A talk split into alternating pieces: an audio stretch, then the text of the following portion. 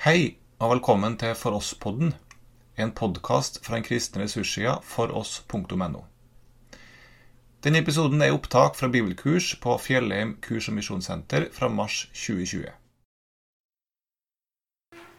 Ja, så kom vi til, øh, til sidste lektion her, og øh, I har jo fået øh, utleveret øh, tre øh, sider papir.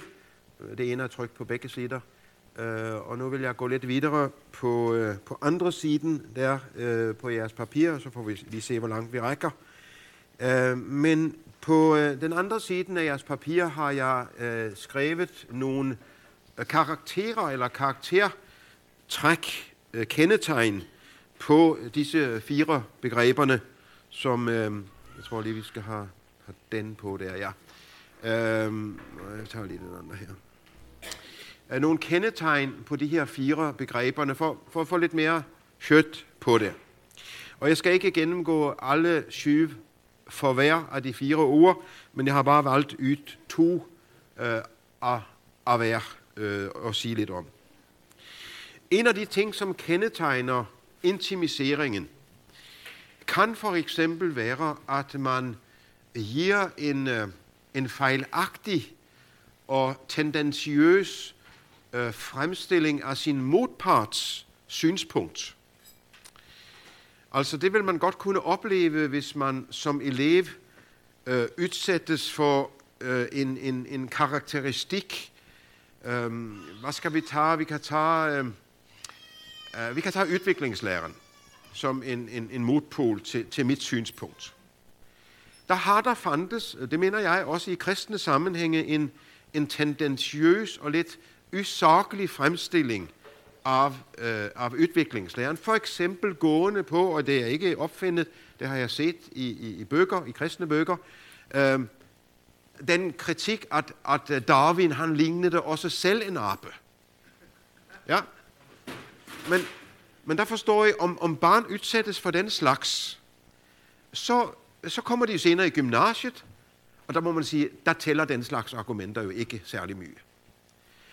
Så føler de sig besvikne af de kristne, som tænkte, vi kan mane udviklingslæren til jorden ved at sige, at Darwin selv også lignede den abe. Så det går ikke. Og jeg mener, det har også at gøre med elementær kristen sandfærdighed at gøre. At jeg må så vidt muligt forsøge også at fremstille dem, jeg er uenige med, som de vidderlige er. Så de kan genkende sig selv. Det er jo elementær sandfærdighed, som er på spil. Og der skal man altså passe på ikke at lade, lade, lade målet hellige midlet, og så tænke, så kan man altså bare fremstille andre folk øh, lemfældigt, og så skyde dem ned bare efter. Sandfærdighed, saklighed og hæderlighed og redelighed øh, er en vigtig dyd for ikke at elever eller barn oplever sig intimiseret. Et andet eksempel her, nummer 5 i dem, øh, der står på jeres papir, er det forhold, at man kan intimisere ved at spille mye på barnets frygt for ikke at blive elsket. Og det kan man godt gøre ubevidst. Hvis ikke du mener sådan som jeg, så taber du min kærlighed. Se, den er farlig. Man siger det selvfølgelig ikke på den måde, for det ved man godt. Men barnet kan nogle gange få den opfattelse, at skulle jeg så gå til en anden kristen sammenhæng, end den pappa og mamma kom i, eller worst case, øh, gå helt ud af kristne kærlige øh, sammenhænge, så elsker pappa og mamma mig ikke mere. Og jeg ved, hvor smertefuldt det er at opleve barns øh, distance på forskellige, i forskellige grader. Men vores kærlighed, den skal de have i alle fald. Og de skal vide, og det er jo også, hvad vi har lært af Gud. Du skal vide, at, øh, at selvom du tager spor, som jeg gråter over, så taber du ikke min kærlighed. Det, er, det er vældig elementært måske, men det er det, som betyder noget for, at barn ikke oplever sig presset til at have nogle bestemte meninger, for ellers taber jeg pappa og mammas kærlighed. Et par eksempler på øh, det andre øh, ure, øh, deserteringen. et af de mest øh, vanlige måder, hvorpå man kan øh, desertere i opdragelsens rum, det er ved at tabuisere bestemte ting. Og nu går jeg vældig mye ind for blyfærdighed. Blyfærdighed er en vældig vigtig dyd, så jeg er ikke talsmand for, at alt skal siges øh, om hvad som helst og når som helst. Men når barn har et spørgsmål eller et problem, eller noget, de tænker på, så mener jeg faktisk, de er modne til at få en prat med os om de. Når de begynder også at spørge til seksuelle forhold, så må vi øve os på, og jeg ved godt for folk i, i den ældre aldersgruppe kan det være lidt øh, vanskeligt, men så i hvert fald for jer, som er, er forældre i dag, øve os på at give gode, respektfulde, blufærdige, men også sandfærdige svar. Jeg har selv skrevet det lille hæfte om, hvordan tale med barn og unge om sex. Jeg kan se, det er ytsolgt, så nogen har så købt det. Men det er mit lille forsøg på at sige, sådan kan det gøres. Så man ikke tabuiserer dette felt, som det seksuelle jo er. I bibelsk forståelse er også det seksuelle en del af Guds skaber værk, og det udsættes for vældig dæmoniske kræfter i disse øh, tider, men vort svar skal ikke være, så snakker vi slet ikke om det. Lad os tale godt og positivt og ret om det i stedet for. Men der findes også andre eksempler på tabuiseringer.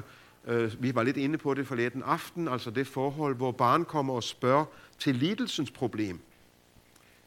Hvorfor skulle bedstemamma dø? Eller hvorfor skulle min kammerat få kræft? Eller nogle ting. Og der findes der eksempler på, nok ikke så mye i vores kristne sammenhænge, men andre kristne sammenhænge, som ligesom altså sådan en herlighedsteologisk tænkning, hvor jamen, jamen det er så udtryk for, at man tror ikke nok, eller, eller det, det, det, det, det, det må vi bare så, nej, pyt, pyt, pyt, pyt. Altså hvor man, hvor man simpelthen springer over det forhold, som lidelsens problem er. Der føler børn sig besvikende. Her er en vældig vigtig spørgsmål for mig.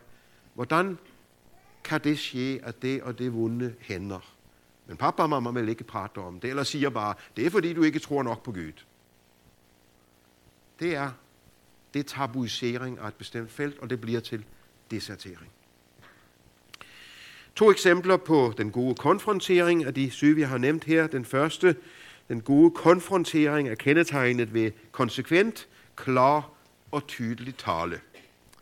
Altså at vi er ærlige, at vi siger tingene sådan nogenlunde lige fremt, og ikke har alt for mange undskyldninger og sådan, men, men er ærlige omkring øh, ting og siger tingene ret ud. Jeg synes, det også som voksen er mye lettere at forholde mig til en anden voksen, som kommer og siger, det og det og det synes jeg ikke om, eller du gjorde noget forkert, eller du sagde noget forkert. Det kan være en prædiken for eksempel. Jeg vil mye hellere have, at folk kommer og siger, det forstod jeg ikke, eller det er jeg ikke enig med dig i, end at folk ikke vil hilse på mig, når de går ud af døren. Ja, for det, det, det første kan man da forholde sig til. Men det andre, hvor man sådan, man tør ikke rigtigt, og man, man vil ikke møde det andre, man vil ikke konfrontere på den gode måde, det, det bliver ofte dårligt. Og hermed har jeg ikke, vi er også forskellige, jeg ved godt, det skal vi også have lov at være, men klar og tydelig og øh, ret ærlig tale, det er et godt, godt element i konfronteringen. Og så er der et forhold, som er vældig vigtigt i den gode konfrontering, og det er, at ord og handlinger så vidt muligt hænger sammen. Det er faktisk et vældig vigtigt element. Jeg skal give et eksempel på det lige om et øjeblik fra en af mine informanter. Men øh, jeg ved godt, at der er jo kun én i hele verdenshistorien, hvis ord og handlinger hang absolut sammen. Han hedder Jesus Kristus. Og ingen af os kommer nogensinde til at leve et liv, som hænger absolut sammen med det, vi siger.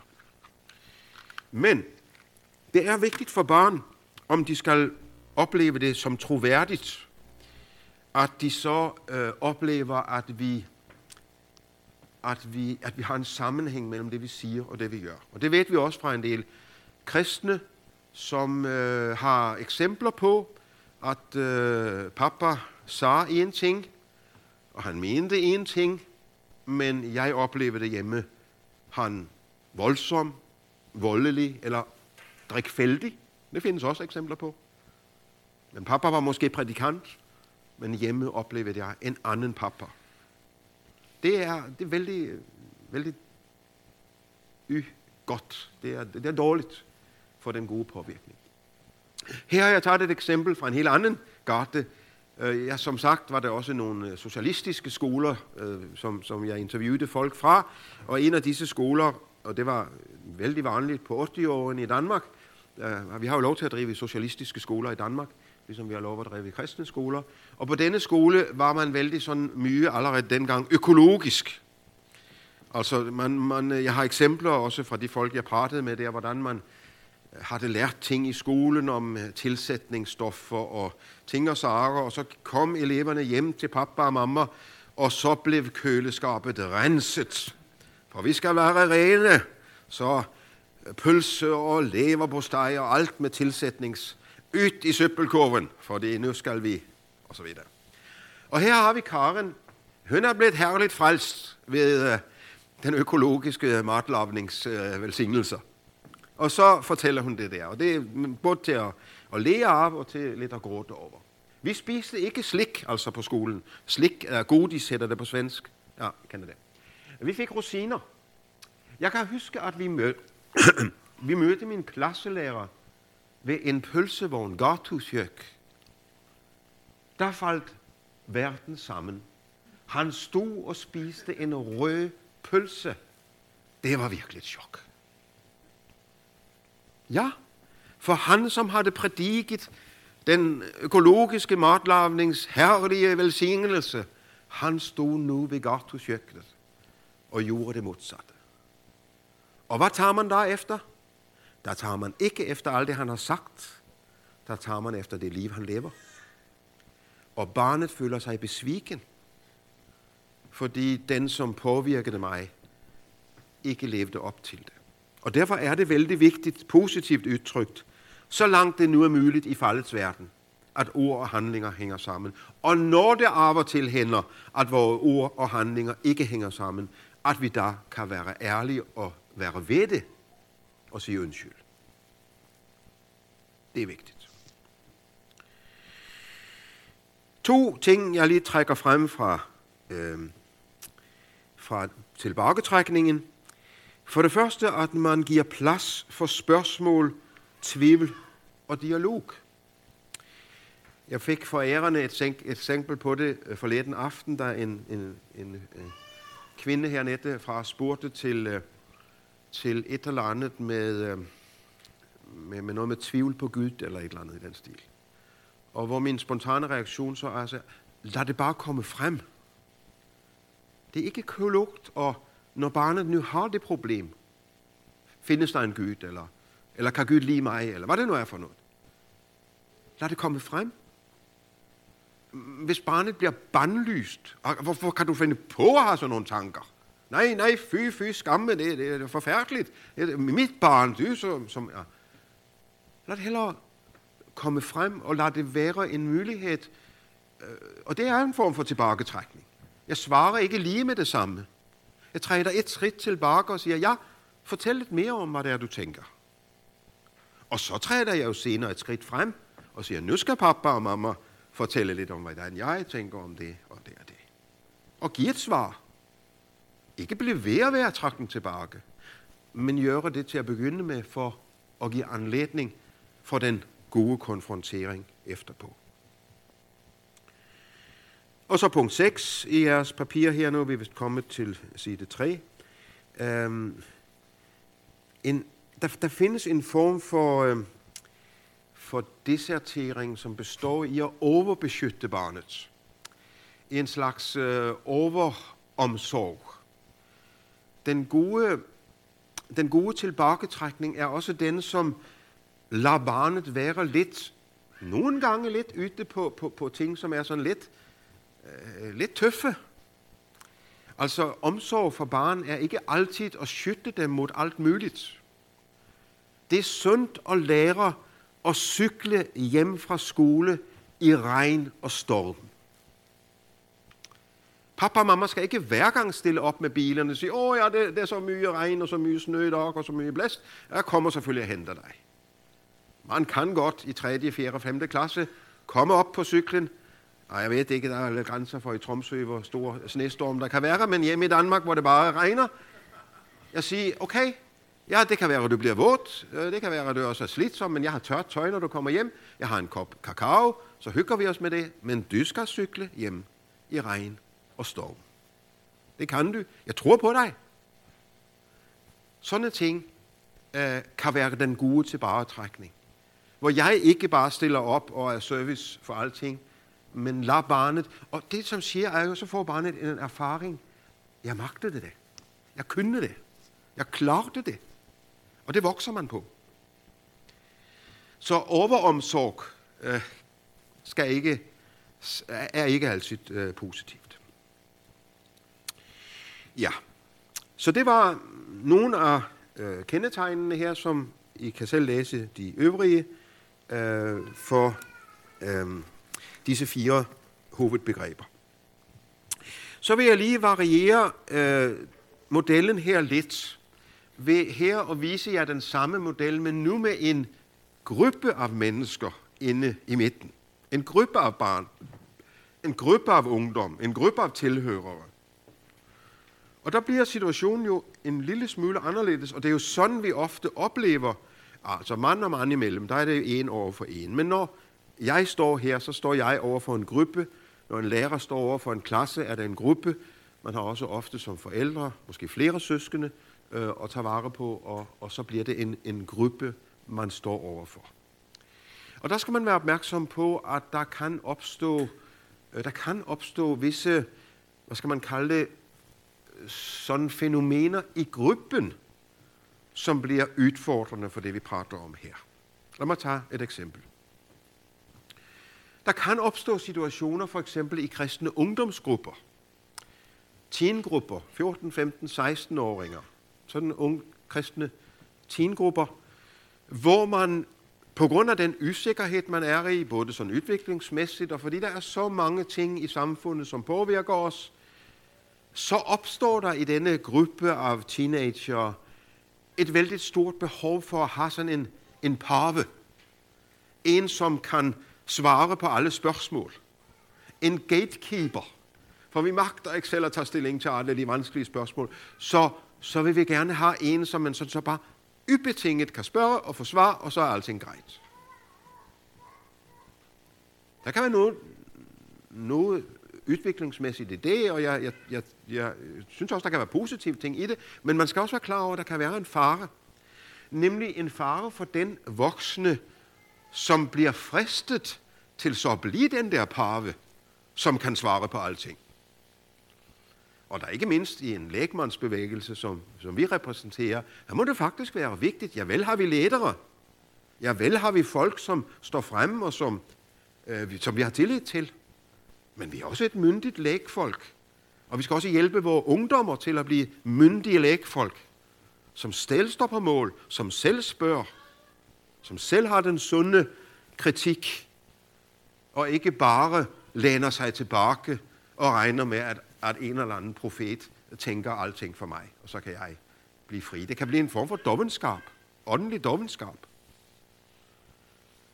Så det er en af de fristelser, som kan opstå, og som er lidt specielt for øh, det forhold at påvirke en gruppe. Og så er der selvfølgelig også det forhold, at, at, øh, at der sidder altså i en gruppe mange forskellige mennesker med hver deres grænser for de her ting.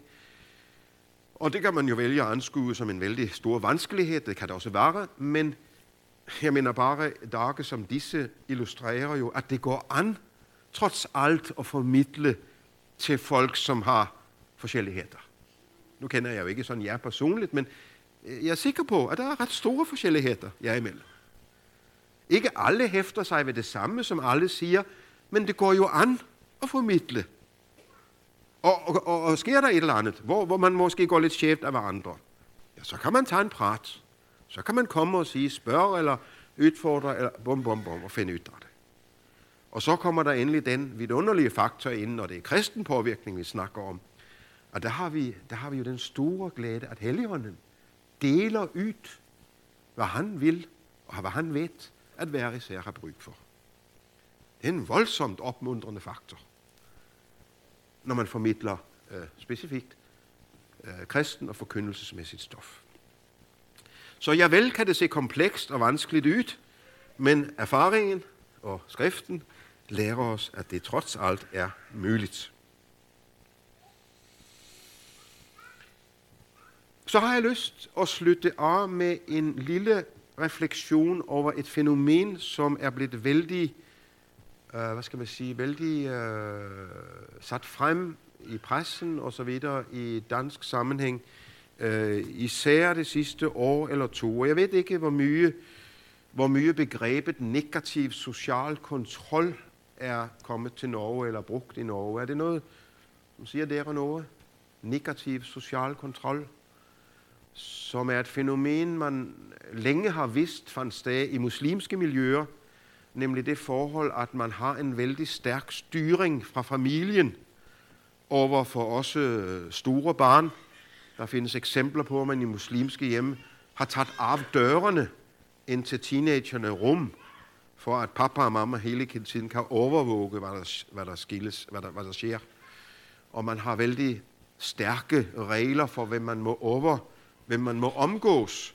Og eksempler på, at ældre brødre, muslimske brødre i skolen, kontrollerer deres yngre søstre, for om de nu har tørklæde på, og, og, og så videre, og så videre, og gør alt det rigtige. Altså det forhold, at man bliver overkontrolleret af sit miljø.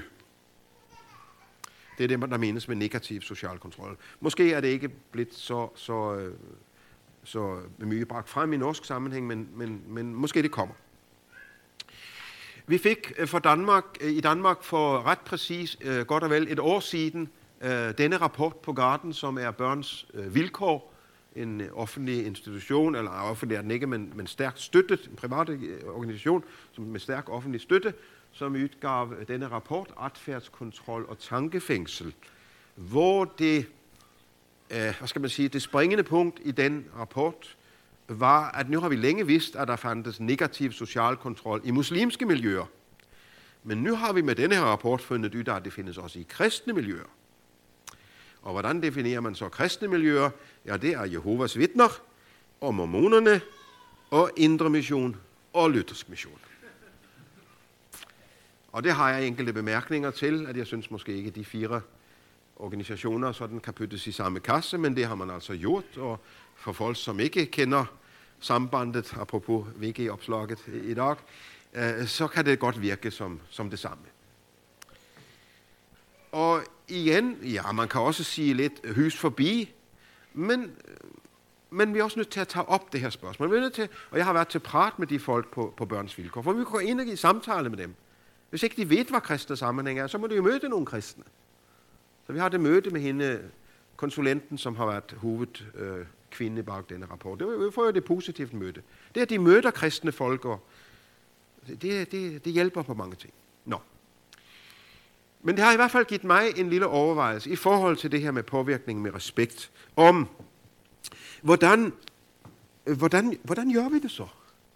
Hvis det måske er en fare, og hvis det har været en fare i nogle kirkelige miljøer, også ikke bare mormoner og Jehovas vidner, for det er jo så oplagt, at vi har eksempler på det, men hvis der også skulle være eksempler på det fra vores sammenhænge, hvordan undgår vi så, og det kan I se, jeg rejser det spørgsmål øh, nederst på, på side 3, hvordan undgår vi så negativ social kontrol? Og lad mig give ni korte punkter øh, på det. For det første, så tror jeg, det er vældig vigtigt i vor tid. Det var det ikke på samme måde for 50 år siden, men vældig vigtigt i vor tid, at vi overvejende anvender det, jeg kalder en, en øh, udrustningsstrategi, i stedet, i stedet for overvejende en beskyttelsesstrategi i forhold til vores barn. Altså, et stykke på vej må man altid have en beskyttelsesstrategi over for sine barn. Man beskytter sine børn mod farlig trafik. Man skal også beskytte sine børn mod dårlig mediepåvirkning, det mener jeg. Øh, man må have en beskyttelsesstrategi, og jo yngre børnene er, jo mere beskyttelsesstrategi må vi have. Men jeg tror, det bliver endda vigtigere i de kommende år, fordi internettet er opfundet, og fordi verden er global, det viser de her dage med corona jo med alt ønskelig tydelighed, øh, at vores ungdommer og vores barn, de kommer ud i andre sammenhænge. At vi så har en udrustningsstrategi. En strategi, som ruster dem til møde med udviklingslærer, til møde med kønsopfattelse, som er helt ved siden af den kristne, og mange, mange andre ting. Selvfølgelig på rette tid og rette sted. Små barn skal ikke lære alt om alting. Men lad os så tage igen med et grundskoleforløb. Der bør vi udruste, og igen med gymnasieforløb, udruste barn og ungdom til at stå som bevidste og klare kristne i tiden. Med ytrustning til at møde de øh, vanskelige og måske ubehagelige, men de findes altså udfordringer, som findes der. For det andre tror jeg, at vi skal undgå at isolere barn i overdreven grad. Vi har i vort hjem med tre voksne barn i dag lagt vægt på, at vores barn kom, kom ud blandt andre. Ikke bare lege med, med andre kristne barn, selvom også det jo er vigtigt. Men de kom ud på vejen og lege med andre og være med i andre hjem. Og, og så tager de med hjem nogle spørgsmål, nogle ting. Ja vel, men, men det er lidt en træningsbane for det forhold, også at lære at være øh, i miljøer, øh, som, som er anderledes end vores eget. Så skal vi undgå at tale usundt, usandt om verden uden for vinduerne og om verden inden for vinduerne. Det var lidt det, jeg var inde på før, når vi miskarakteriserer andre, andres holdninger. Vi skal tale sandt om dem, som vi er modstandere af. Men vi skal også tale sandt om os selv. Vi skal også tale sandt om det, som findes, også om der nogle gange er nogle negative ting i vores egne miljøer. Hvis det rent faktisk er nogle ting, hvor, hvor, hvor, hvor, hvor, hvor ting ikke er, som, som de burde være, så skal man ikke falde over folk og sådan bare kritisere løs, men, men vi må være ærlige. Også over for, at der kan være fejl hos os selv. Og vi hjælper ikke vores barn ved at male hverken øh, sambandet eller andre organisationer lyserødt og sige, at her er alt bare så fantastisk, så fantastisk. For vi er jo også syndere, som er sammen. Så selvfølgelig vil vi også opleve ting. Og det, må, det, det, det kræver visdom. Både at gøre barn glade for deres åndelige sammenhænge, men også, som de vokser op, en vis realisme. Øh, jeg tror i virkeligheden, at nogen barn og ungdommer stiller alt for store forventninger til det kristne fællesskab. Forventninger, som hører himlen til. Og der kan være hjælp til nogle gange at få lidt giret ned, for det er stadig syndere, som er sammen. Så man ikke sætter for store forventninger. Vis, at du formår at være uenig med andre og alligevel respektere dem. Det er noget, som barn også lærer noget af. Om pappa og mamma kan have en dialog, måske en diskussion med naboen. Man kommer til kaffe, og, og så viser det faktisk, at man er uenig om forskellige spørgsmål. At barnen så oplever, de kan diskutere de voksne, de kan være uenige, de kan også sige øh, sådan og sådan, men de har stadigvæk respekt for hverandre. Det er trods alt mennesker, vi er uenige med. Det lærer barn, at man kan godt være uenig med andre, og stadig respektere dem. Ja, faktisk er det at være uenig på den gode måde en form for respekt. Vis, at du har sprog for svære og vanskelige forhold, eller i hvert fald øver dig på det. Det var lidt det, jeg nævnte før, om at gå op imod fristelsen til tabuisering. Forsøg at have gode ord for, for lidelsens spørgsmål, for seksualitetsspørgsmål, for andre ting, som også barn møder. Så skal vi passe på ikke at gøre os til herre over barnets samvittighed, og sige, du skal føle sådan, du skal tænke sådan, du skal ville sådan. Men netop gøre det, som du nævnte før. Er det Else, du hedder? Nej. Ja, er det Else? Men det med at blive inviteret. At vi bliver inviteret. At vi ikke bare siger, du skal sådan og sådan. Men at vi er tålmodige og venter og kan vente på invitationen. Så skal vi turde slippe vores barn fri efterhånden, som de modnes, det er risikofyldt at sætte barn i verden. Og hvis man ikke vil løbe den risiko, det er, så kommer man jo ikke langt. Eller så skulle man måske helt lade være. Det er risikofyldt at sætte barn i verden, og den risiko vil det altid være, og det skal man være sig bevidst. Øh, det er en form for kristen realisme. Og så må man, efter min mening, ikke stiltigende se til, hvis ens miljø dækker over overgreb af forskellige slags. Selvfølgelig de, de kriminelle overgreb, incest og vold og den slags ting, men altså også, i hvert fald i grælde tilfælde, overkøringer eller overtramp. Om man bliver bevidst om, at sådan noget findes i et kirkeligt eller kristent miljø eller på en kristen skole, så bør man som en ansvarlig voksen søge at, at tage frem den ting øh, og tage den svages part. Det er jo en grundlæggende kristne dyd, at man tager den svages parti øh, mod øh, den stærke, og altså søger at, at eliminere det, som man har observeret, som øh, ikke findes ret.